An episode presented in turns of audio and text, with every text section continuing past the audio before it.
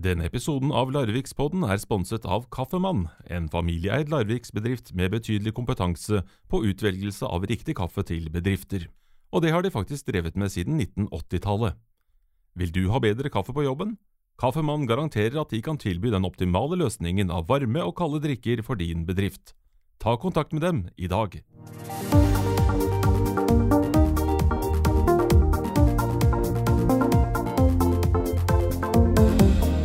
Vi kan notere at uke 41 smyger seg mot sin ende og åpner for episode 7 av Larvikspodden. Jeg heter Tormod Ugelstad, og vi løfter denne gang spørsmål om det ikke er på tide med å prøve noe annet for lokaldemokratiet. For å nærme oss det sværet har vi like gjerne invitert den som har stilt spørsmålet, Lars Kobro, og han får følge av assisterende rådmann Ingvild Aartun. Med i dag er også du, Kjetil Wold, bysynser og besserwisser. Velkommen skal du være. Takk skal du ha. Du, Hva tenker du om en eventuell overgang fra kommune 2.0, som da ifølge Kobro er dagens eh, situasjon, til kommune 3.0? Nei, Jeg opplever at vi fremdeles holder på med betatesting, så ingenting ville være bedre enn om vi kunne gå rett til 3.0. Før vi starter nedlastingen av eh, ny versjon for lokaldemokratiet, kan vi gå til en gammel tradisjon som er i ferd med å bli børstet støv av her i Larvik. For noen uker siden kunne vi lese at daglig leder i Larvik by, Espen Wingård, hadde søkt Larvik kirkelig fellesråd om at det skulle ringes fra Larvik kirke hver time for å skape en mer urban følelse.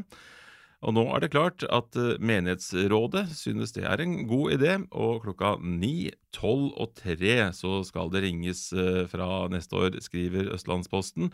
Vi har hørt med folk i sentrum for å høre hva de tenker om at eh, kirkeklokkene skal skape en mer urban stemning. Det syns jeg er veldig fint. For jeg har alltid vært glad i kirkeklokker og alltid likt å bo i en, by hvor det er kirkeklokker. Ja, jeg får si som sånn at jeg leste bare overskriften i på Østlandposten i morgen i dag. Jeg tenkte litt meg selv at jeg synes det hørtes veldig bra ut. Jeg syns det kan være hyggelig å høre at uh, kirkeklokkene ringer. Men om det gjør Larvik mer urban, det er jeg litt usikker på. Da flytter jeg. Fordi det gjør jo faktisk byen mindre urban. Det syns jeg er en veldig fin idé. Så det er jeg veldig for, faktisk. I sommer så var vi på ferie i Lillesand. Og der ringte klokkene flere ganger i løpet av dagen. Og det var jo kjempehyggelig, syns jeg. Nei, det kan vel være en god idé. I mangel på et uh, solid rådhus med et fint klokketårn, så er jo dette en bra erstatning, det. For meg var det en veldig rar, uh, rart forslag for, at, uh, for, å virke litt mer urban. Kirken ligger tross alt på et nes langt ut mot havet. og det jeg forbinder med urban kirkeklokke, er kirkemusikk, kan du si. med hvor eh, man spiller ulike typer stykker, sånn som man gjør i, med klokkene på Rådhusplassen i Oslo. Eh, jeg vet ikke om vi blir så veldig mer urbane av en kirkeklokkelang klokke 9, 12 og 15. Det er, jo, det er jo langt der nede. Det er ingen som her oppe i byen som hører det. da. Ja, hva syns du, Kjetil? Er det god idé å la klokkene klemte og kime hver time? Nei, ikke hver time, hver tredje time på dagtid? Hvis jeg skal være helt ærlig, så er det sånn Det plager ikke meg.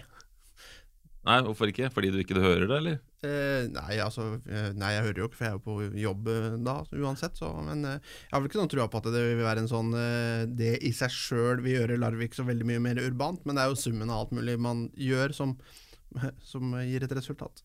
Ja, altså Hvis man skulle først hente fram gamle tradisjoner og, og, lyder, så hadde det kanskje vært mer tiltrekkende hvis man hadde satt opp en gapestokk eller sånt på torget?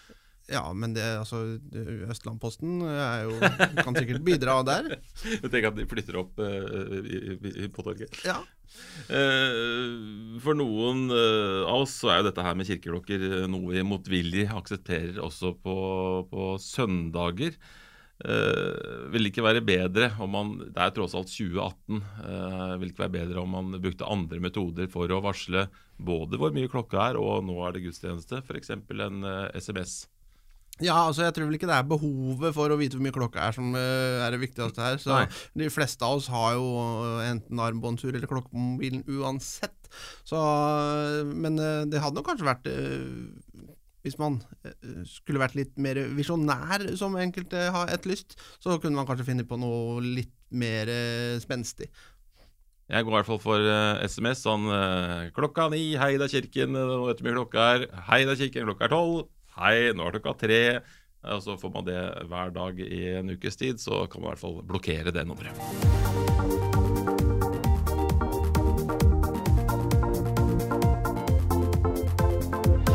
Tiden er inne for å se på hele modellen for lokaldemokrati, kan vi lese i en kommentar i Østlandsposten denne uken. Og den som uh, skriver dette, det er deg, Lars Uland uh, Kobro. Velkommen. Takk for det. Du tar til orde for det som kalles uh, Kommune 3.0. Men aller først, hvorfor er tiden inne nå? Det er ofte sånn at når det er noe som ikke virker, så må det erstattes med noe som virker. Og mye tyder nå på at når vi ser hvordan nominasjonsprosessene er, ikke bare i vår egen kommune her i Larvik, men mange andre landsdeler, store og små kommuner, så er det et påfallende bilde at politikere vegrer seg mot å la seg renominere. Og de få av dem som tør å slippe oss litt inn i begrunnelsen deres, de handler om at det, det er rett og slett A. For mye tidsbruk. De, de, rår ikke med det, i tillegg til at de har en sivilt arbeid på sida av det å være kommunestyrerepresentant. Og det andre er at når de først da tar på seg den jobben, så blir de stort sett hundset og kritisert. og må utsette seg for ganske sterke personlige belastninger ved det å være tillitsmann for oss borgere. Så du, da går du rett og slett uh, for en, en, en, radikal forandring, da, ikke bare en liten justering? Er det sånn å forstå? Ja, det er veldig godt lest. Uh, hvis jeg har greid å skrive kronikken min så bra, så, så er jeg fornøyd med det. Ja, vi, vi, kan ikke bare gjøre ting litt annerledes, vi må i stedet gjøre andre ting. Men du, før vi huker av for at vi har lest og akseptert vilkårene og laster ned neste versjon, kan du gi en kort beskrivelse av Kommune 2.0? Ja, Det er jo ikke noe vanskelig, for det er den kommunen vi lever i. Eh, kommunen 2.0 gir jo lite mening hvis ikke vi også forstår hva kommunen 1.0 er. Det er den kommunen hvor vi bygde flotte, store rådhus med marmortrapper og, og søyleganger, og hvor eh, byråkrater og politikere satt eh, bokstavelig talt opphøyd sine, i sine pulter og sine, sine tale, bak sine talestoler. Eh, så du måtte vanne gjennom håret og ta på deg en nystrøken skjorte for å og ydmykt bøye hodet og, og, besøke kommunen. Eh, nå er vi i servicekommunen, eller i planleggingskommunen. Det er begge deler. Vi driver hovedsakelig og planlegger og, og, yter service, eh, men det er vi som yter service mot deg. Det er en veldig sterk vi og dere-identitet i kommunen.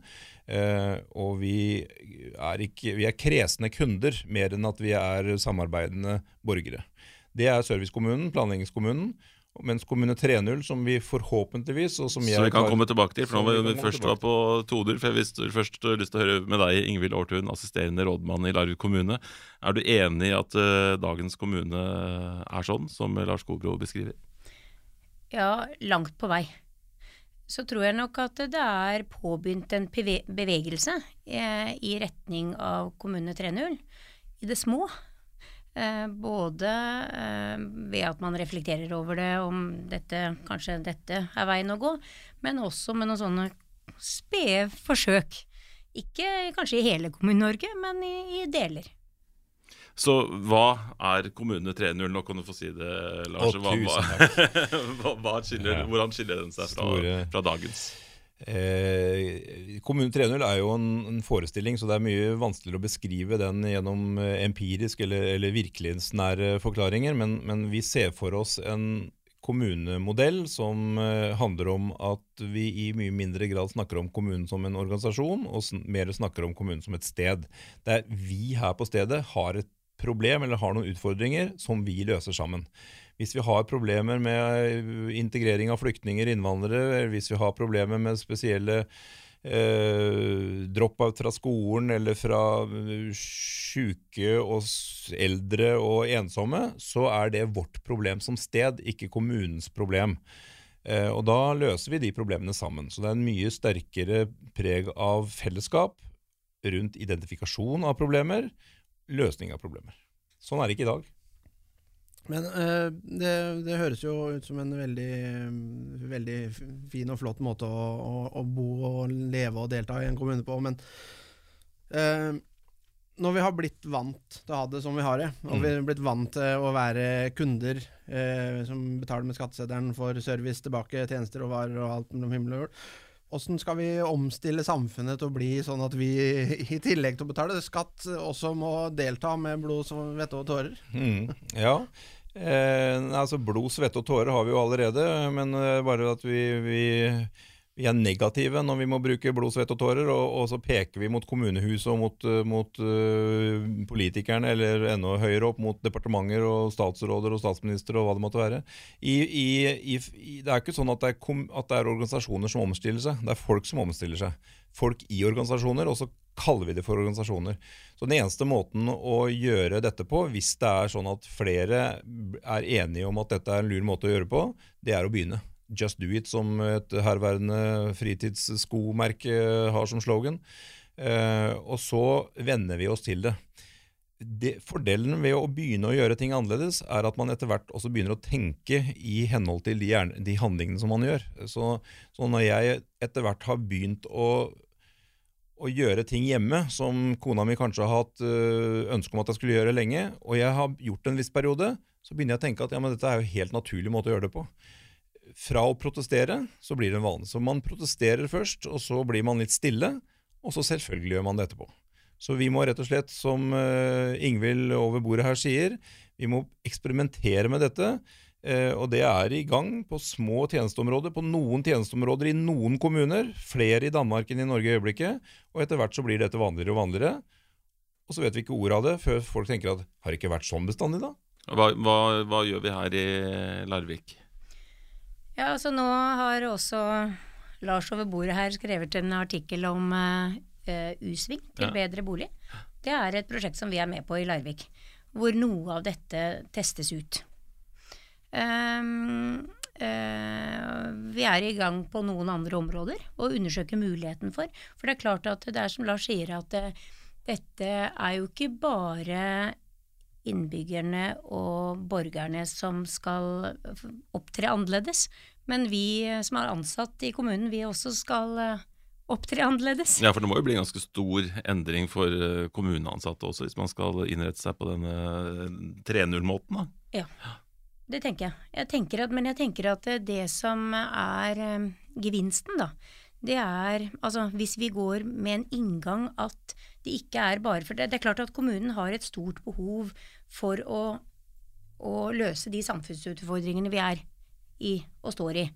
Um, men hvis vi ser på det som at uh, vi trenger borgerne for å hjelpe oss å løse de, så tror jeg at vi kanskje begrenser tankegangen.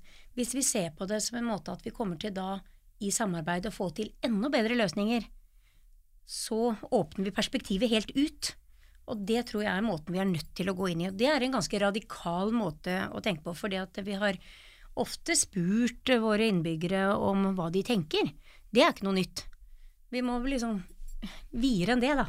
Men hvis man skal få til dette, her, så, uh, hjelper det da at kommunen uh, prøver, å få inn, få inn, folk, eller er det folk sjøl som må komme til kommunen med, ja, med ting? Nå, nå, hører vi jo at vi snakker om kommunen som om det er en organisasjon. Ja, men, ja, men det, er, det, er, det jo også. Ja, det er også en organisasjon, mm. men det er det vi må begynne å, å, å, tenke litt annerledes om. At det er ikke kommunen som organisasjon som skal invitere inn adhoc, altså som et prosjekt eller som et ekstraordinært tiltak. Nå trenger vi innbyggernes hjelp til å løse denne kommunale tjenesten. Da blir det asymmetrisk. Vi må i mye større grad tenke at hva er det vi skal løse sammen på dette stedet? Eh, jeg var jo med på å lage en brukerstyrt ungdomsskole, Ra skole, når Ra skole ble bygd. Så Kristian Taulo, som noen vil huske, som da var først skolesjef, og siden ble prosjektleder for eh, bygging av Ra skole, og deretter rektor for Ra skole. Og jeg var så heldig å være såkalt FAU-leder i gamle Tanum skole, som ble nedlagt. Og du er FAU-leder, da er du sånn liksom-demokratisk med på å skulle mene noe. Mens på den brukerstyrte RA-skolen der ble det satt sammen et styre av syv personer, hvorav fire var foreldre eller foresatte. Altså hadde vi en reell innflytelse over hvordan RA skole skulle bygges og drives. Mm. Og det skapte en helt annen medbestemmelse og entusiasme.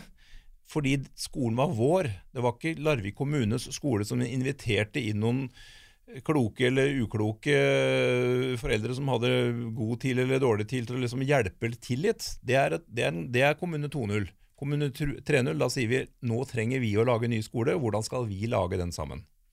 Dette går an å gjøre i bredere og et mer omfattende system, sånn at vi sier at dette er modellen, dette er ikke unntaket. I øyeblikket så er det unntaket.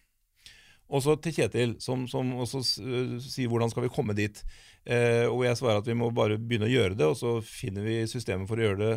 Eh, men jeg har også lyst til å være litt selvkritisk og si det at eh, det er en del ting av det vi gjør, som må legges vekk. Altså vi må, vi må ødelegge noe for å gi plass til noe nytt. Og det å ødelegge, eller legge vekk, da for å være litt mindre dramatisk, ting vi gjør i dag, det, det, det knytter seg jo følelser til ja, men, å ja, Så det er ikke godt nok, det. Så jeg har gjort ting feil.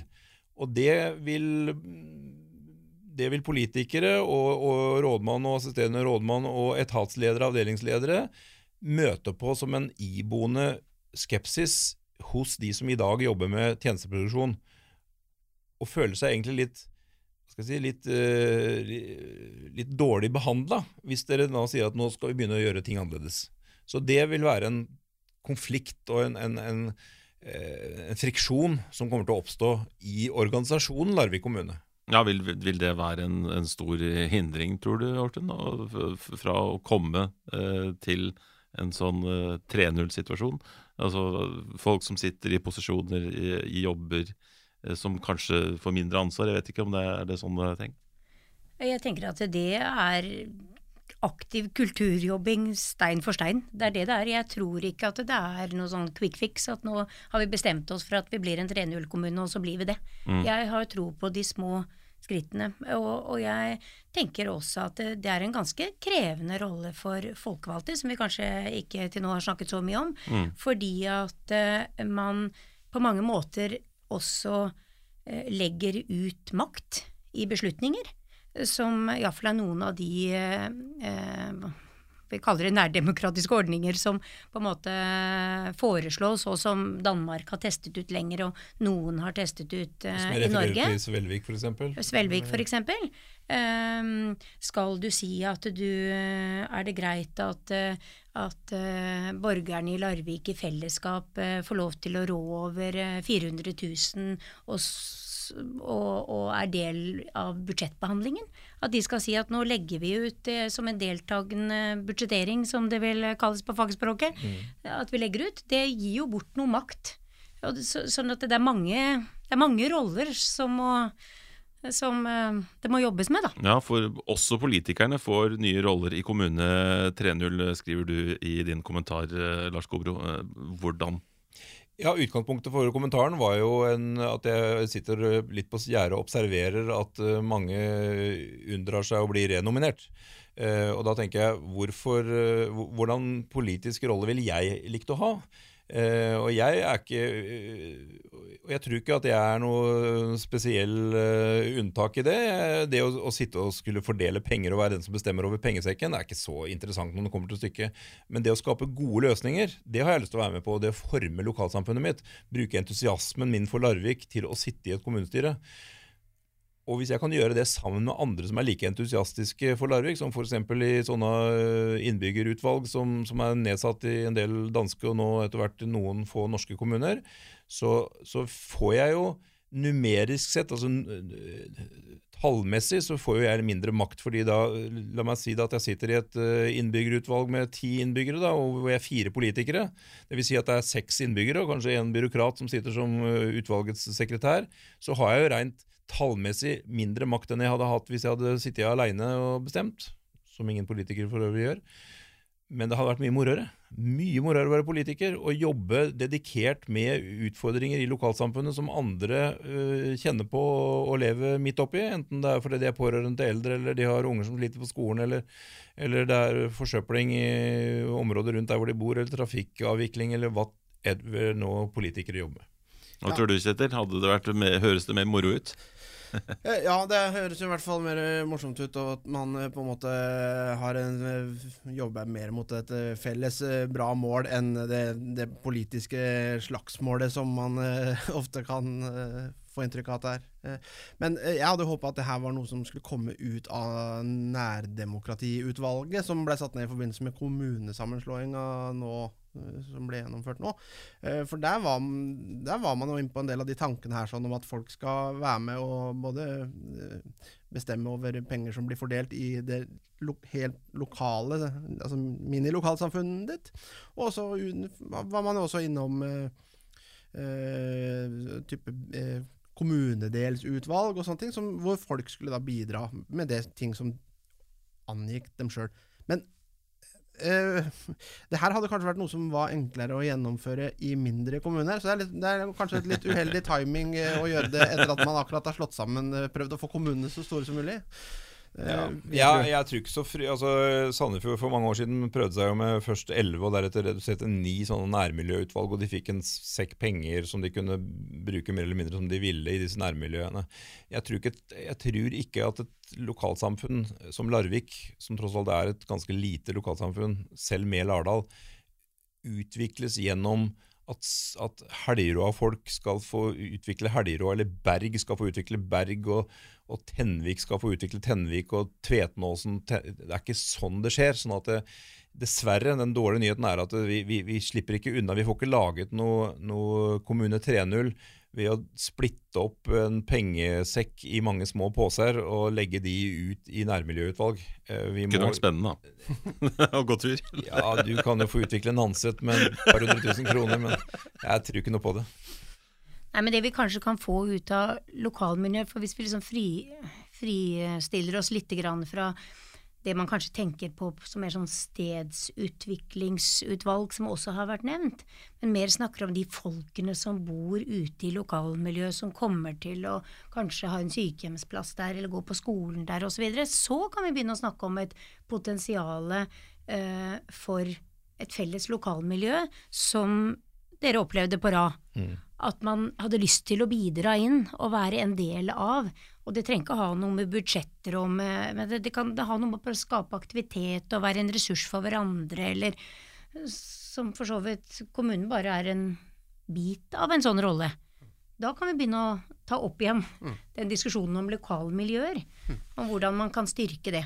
Men altså, eh, hvis jeg har forstått eh, kronikken din eh, korrekt, så er jo da de som da, da sitter i Feiers gate i administrasjon, de vil være en mer en støttefunksjon for oss innbyggere. Det er mm. vi innbyggere som, eh, som utfører ting og gjør ting og bygger skoler og vedlikeholder veier. Men så må vi jo da ha støtte fra det som heter administrasjonen uansett, eh, for å for å klare å få gjort det her. Og det som jeg er mest kritisk til, det er jo hvordan man skal klare å motivere folk til å endre noe. fordi at eh, har, har, det har vært så mye endringer opp igjennom nå, mm. at folk har mista trua og tilliten til eh, folkevalgte og til det politiske systemet. Så hvis du kommer med enda et forslag om en endring, mm. så vil folk eh, si at eh, ja, det har vi vel hørt før. Mm.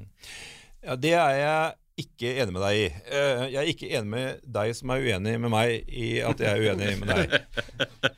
Eh, jeg eh, ser deg rundt på norske arbeidsplasser, også private arbeidsplasser. Endring er blitt regelen, det er ikke et unntak. Så, så, så vi får folk med på endring, for folk endrer seg hele tida. Det endrer seg i sine egne familier og ekteskap også, bare se på statistikken. Så det, endring gjør vi, men vi må tro at endringa fører til noe bedre, og vi må forstå behovet for endring. Uh, og Hvis da endringsimpulsene kommer utenfra, sånn som i tilfellet med min kronikk, jeg er jo ikke politiker, men, og, og, andre uh, forstår jo at det virker jo ikke det systemet vi har i dag, altså den, den modellen vi har i dag, virker ganske dårlig. Uh, så vi driver mer eller mindre med den av gammel vane. Og så må vi da komme opp med å, å vise til Svelvik, vise til danske kommuner, vise til eh, enkelte tjenesteområder, eh, den brukerstyrte RA skole som jeg nevnte i all ubeskjedenhet, og andre ting, og si at det, se her, hvor moro det er, og hvor godt det virker. Da vil folk være med, for folk er jo litt sånn desillusjonerte og ganske mye dessverre ganske mye negativ politikerforakt i det norske samfunnet i dag. Og det er jo ikke fordi folk er imot endring, det er kanskje tvert om, at de syns at politikken endrer seg i feil retning, eller for lite. Så, så, så det er ganske eh, akutt, eller i hvert fall påkrevende behov som vi har i vårt samfunn, og snart og så snart som mulig komme opp med bedre løsninger enn det vi har i dag, for det virker jeg ikke. Jeg, altså jeg er jo for så vidt glad i det systemet vi har i dag, selv om jeg ser at det har en del utfordringer ved seg. Og så har jeg jo eh, gjennom litt sånn forskjellig politisk arbeid prøvd å, prøvd å rekruttere folk eh, til å stå på lister og sånn.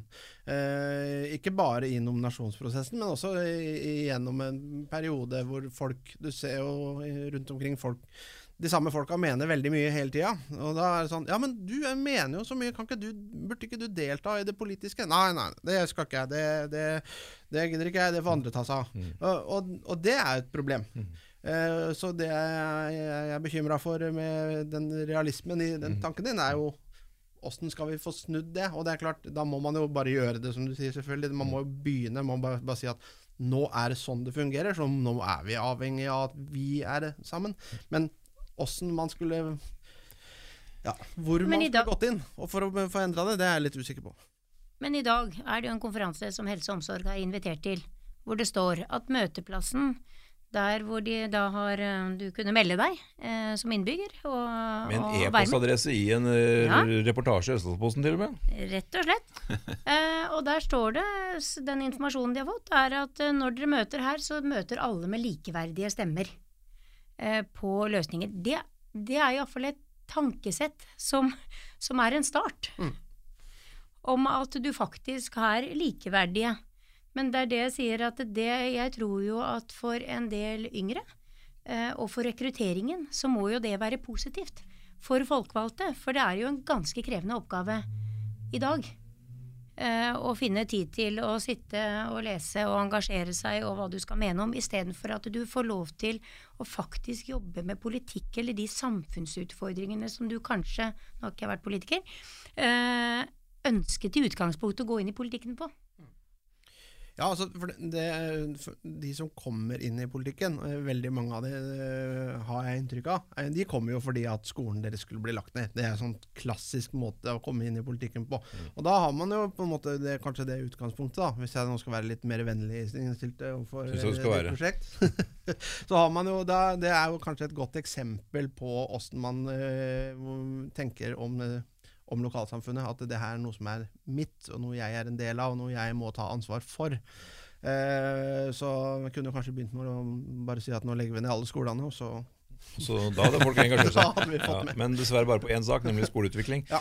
Eh, men, men, dette er jo sånn man jobber i Kommune 3.0. Da, da, rekrutterer man eh, si, sivile innbyggere eh, i avgrensede perioder på avgrensede temaer.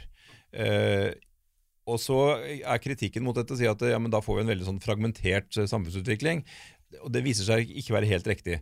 For det, hvis vi f.eks. da eh, inviterer til å sette sammen et utvalg som nå skal se på eldreomsorgen i Larvik kommune, så vil du få ganske mange som da er pårørende av eldre, eller selv eh, vitale eldre, som ville vært med på det. Og så er de med på det en periode, men i Kommune 3.0 så gir de seg ikke med. Da er de faktisk også med på å utvikle den tjenesten i en slags sånn spiraltrapp, altså å gjøre den bedre og bedre. Ikke bare si ok, nå har vi laga en plan. Det er sånn typisk Kommune 2.0. De inviterer innbyggere til folkemøter og komiteer og avgrensede perioder og sier nå skal vi lage en ny kulturplan, nå skal vi lage en ny eldreplan, nå skal vi lage en ny whatever-plan. Og så får man mye gule lapper og flippover og, og fine greier, og så en grafisk formgiver som lager design på det etterpå. Og så er alle helt sikre på at de har lagt en plan, men de er litt usikre på hvor de har lagt den. Og Sånn er dagen, en del av dagens uh, kommunearbeid. Uh, mens i det nye så er det mye mer fokus på handlingen og på aktivitetene rundt det å skape områder for områder på en måte hvor vi ikke tenker at vi må ha hjelp av dere til å skape dette området, men i mye større grad vi må, hjelp, vi må hjelpe hverandre til å skape dette. Sånn som man gjorde i, i det gamle eh, bysamfunnet, i gamle landsbysamfunnet, der var, hvor vi ikke hadde en offentlig sektor. Der hadde folk en evne til å identifisere og diskutere hvordan problemet skulle anses, hvordan det skulle oppfattes, og deretter hvordan det skulle løses, og så løste de det sammen. Da har kommunen en helt annen rolle i en sånn setting, hvor det er mer en fasilitator som sitter på utsida, som bare er kanskje med eller Det er ikke noe utsida og innsida. Ja, nei, men liksom Ja, som en fasilitator, men enten med eller ja, legge til rette for. Hva skal til for at uh, Larvik kommune uh, kan komme i, i en sånn uh, stilling? At man har den rollen der? Jeg tror fremdeles på stein på stein, jeg, da. At, at, vi begynner nå i det små på noen områder. og så tror jeg kanskje at vi også må bistå også folkevalgte i, i den retningen. Uh, og jeg tror at det er flere som er på vei til å tenke det samme.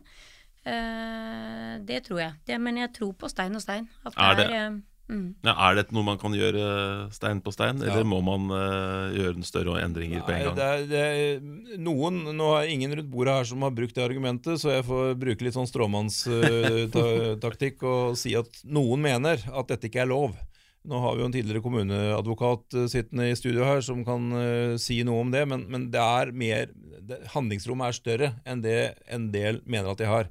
Uh, så kommer en ny kommunelov uh, sannsynligvis allerede neste år, og jeg er veldig spent på den, om den gir økt tillatelse, så handlingsrom for å eksperimentere med lokaldemokratiske modeller, eller om den går gærne veien. Det får, det får vi se på.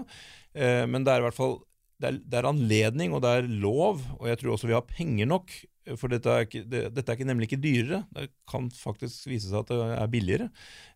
Så det er mer det som Kjetil var inne på, at det er holdningene våre som må utfordres. Jeg tror du ikke det vil koste en, en del penger i overgangsperioder? Sånn som uh, Arendal har gjort noen forsøk hvor de, hvor de fant ut at de, ja, de, brukte ganske mye penger på selve forsøkene. Jo, men da, da, må vi tilbake til noe jeg har sagt tidligere, at du må ødelegge noe for å gi plass til noe annet. Det er som jeg sier til kona mi, at sant, når vi skal komme en idé om at vi skal, det må vi ha, kjøpe det, da krever jeg at ja, men da er det noe som skal ut. Og da er det vanskelig det er vanskelig å kjøpe noe nytt inn i et hus hvis det er eh, et krav om at da noe skal ut. Fordi vi er jo glad i det som er der fra før av. Så hva må ut først? Nettopp. Og, og noe av det som må ut, det koster jo også penger. Og da kan vi spare de pengene. Men da oppstår det igjen, det er mellom ørene det sitter, noen som vil forsvare det og mene at ja, men det er vel bra nok, eller det er jo det jeg holder på med, hvorfor, hvorfor kan ikke vi holde på med det? Sånn at eh, vi må forberede oss på en, en, først og fremst en kulturell kamp i befolkningen og i kommunen som organisasjon eh, enn at dette skal være så fryktelig vanskelig å få til juridisk og eller økonomisk. Jeg har også lyst til å si at det vi har, vi har lært som borgere, da, så har vi lært oss å være kritiske kunder til kommunen.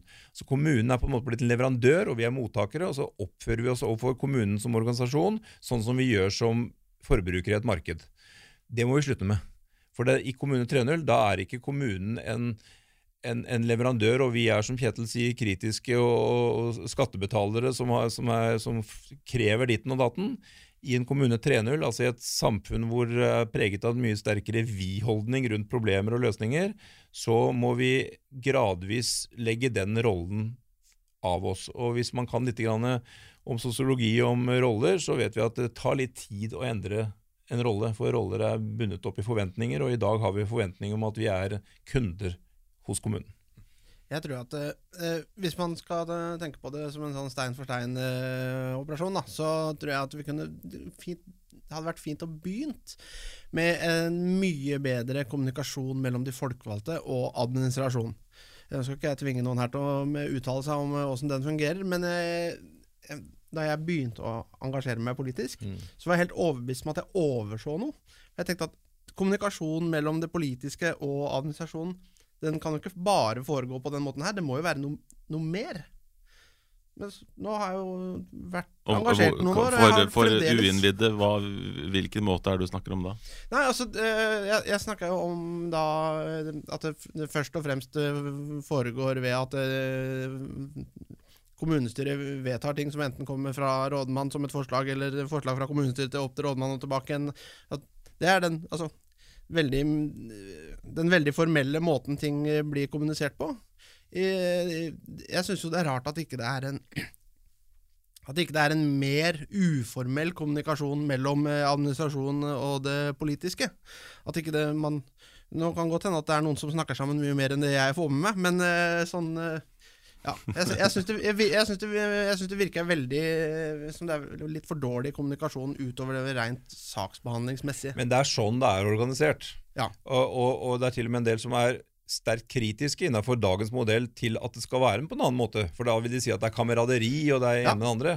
Eh, noen vil snakke sammen, andre vil ikke snakke sammen. Nei, la oss gjøre dette formelt og holde politikk og administrasjon strengt atskilt, Ja. sier de. Ja, jeg, Men det er jo ikke hensiktsmessig. Nei, og, jeg, og jeg, jeg kjenner mange som, eh, som mener det du sier der. Og jeg ser jo også at det er en stor eh, Eller at det er en fare der for at de som har best bekjentskaper, er de som får mest gjennomslag. Men samtidig så kan det jo ikke være sånn i en kommune med 45 000 innbyggere at man ikke får lov til å snakke sammen de som Altså at ikke oppdragsgiveren, da, kommunestyret som oppdragsgiver, ikke får lov til å snakke med administrasjonen som den som utfører, fordi at man er redd for at noen skal ha snakka sammen.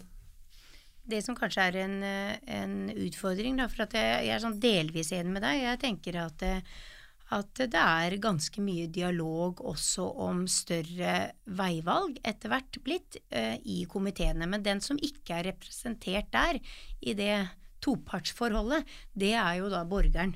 Er ikke i den samme dialogen. Så det er det som kanskje per i dag eh, mangler, da, for å si det sånn. På det samme stedet og i det samme tidspunktet. Og det er jo litt av det som er den oppgaveutvalgsmodellen da, som Svelvik har forsøkt eh, seg på, hvor man har definert noen samfunnsutfordringer, og så setter man seg ned sammen og, og drøfter det eh, i et mer sånn Og beslutter det. Og beslutter. Helt til slutt, da. eh, Så hvor lenge må vi vente til eh, kommunen er eh, helt oppdatert og det lyser Jeg tror det var Vømmøls spellemannslag som synger noe kjem av seg sjæl'. Og det, det er ikke noe hjelp å sitte og vente. Det vil ikke komme. Av Hvis vi begynner nå, hvor lang tid tar det? Nei, det tar en uh, halv generasjon. Tror du også det, Kjetil? Eh, ja, det jeg lov å håpe. Og jeg tenker at det vil være avgjørende om vi klarer å danne et litt sånn felles grunnlag for en visjon om at det er den veien vi ønsker å gå. Da tror jeg iallfall vi, vi har potensialet, for å si Ja, men sånn. da, da, da inviterer jeg dere tilbake om en halv generasjons eh, tid. Takk skal du ha, Lars Kobro og assisterende rådmann Ingvild Ortun.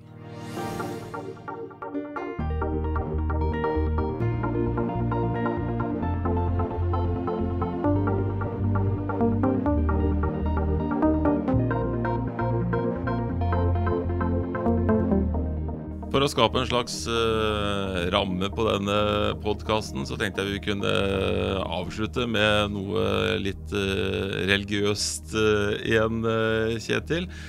Og da til ja, skal vi si livets siste kapittel.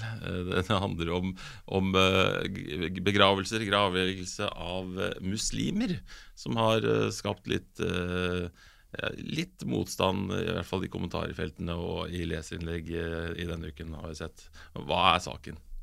Eh, Saken er at uh, gravferdsloven sier noe om at alle har krav på å bli gravlagt uh, med respekt for sin, mm, for sin tro eller sitt livssyn. Og at det da blir lagt til rette for at også muslimer kan bli begravd med huet i den rette retningen på undersbo. Hva, hva, hva er den praktiske konsekvensen eh, av dette? For jeg sliter litt med, med å forstå hvorfor er dette så spesielt. Eh, nei, jeg vet ikke hva altså, Det er jo ikke noe som er så veldig spesielt, egentlig. Men sånn rent For dette er et sted som er beregna for å gravlegge mennesker i utgangspunktet, ikke sant? Ja, altså Undersbo er jo en uh, gravplass, og der uh, skal jo folk begraves, og den må utvides uansett hvilken tro de som dør har. Så det er jo det at man eh, legger til rette for et muslimsk gravfelt, det er jo ikke fordi at muslimer ikke vil ligge sammen med oss andre, det er jo bare praktiske hensyn. fordi at på Undersbo så ligger folk litt sånn i hytt og vær. Noen ligger i øst, vest og nord, sør og sånt. Så hvis man da skal legge folk i den samme retningen, så er det praktisk å gjøre det på et eget felt. Hvis ikke man skal begrave folk på krøss over hverandre og sånn. Det tror jeg ikke det er noe særlig Jeg tror ikke det er så mange religioner som, er, eh, som åpner for, for det. Jeg tror i hvert fall veldig få som, som uh, påbyr det, tror jeg i hvert fall. Ja, ja og da, da får vi heller ta det når det kommer. Eh, For øvrig så eh, Jeg leste også i, gravferdsloven hvor det selvfølgelig det står helt klart at man skal respektere eh, den dødes livssyn og tro når man gravlegges, og man har krav på å bli gravlagt, rett og slett. Man slipper å bli liggende på, på gata. Men det, men det som var, var interessant, var, det er en annen paragraf der hvor, som, hvor det står at kommunen, visste jeg ikke, har faktisk krav på å til enhver tid ha ledige graver for minst 3% av kommunens innbyggere. Det syns jeg nesten var litt urovekkende. Ja, det Hva er det man vet? Nei, nei, altså det er jo noen som vet noe her som vi ikke vet. Siden det er, altså, siden du skal ha en eh, så altså, ha, ha klart et så stort mottaksapparat, eh, så lurer jeg på hva, hva slags katastrofe man ser for seg kan inntreffe, som fører til at 3% av befolkninga skal i løpet av veldig kort tid eh, gå bort. Episode sju er over. Neste gang er det igjen klart for Larvikspodden live, som vi spiller inn på Sanden scene. Møt opp der for å være en publikum når vi tar opp temaet utenforskap i Larvik. Hvem havner utenfor, og hvorfor? Hva er utenforskap? Hvordan står det egentlig til i Larvik? Det er noen av spørsmålene vi håper å få svar på klokka 18.00 torsdag 18.10 i Bølgen kulturhus. Følg oss eh, gjerne på Facebook for å sende oss tips, innspill og tilbakemeldinger. Takk til ukens gjester Lars Uland Kobro og Ingvild Aartun. Takk også til Kjetil Wold for eh, synsing. Ansvarlig for podkasten er Geir Atle Johnsen, og podkasten produseres av Virvel AS. Jeg heter Tormod Ugelstad. Denne episoden av Larvikspodden er sponset av Kaffemann.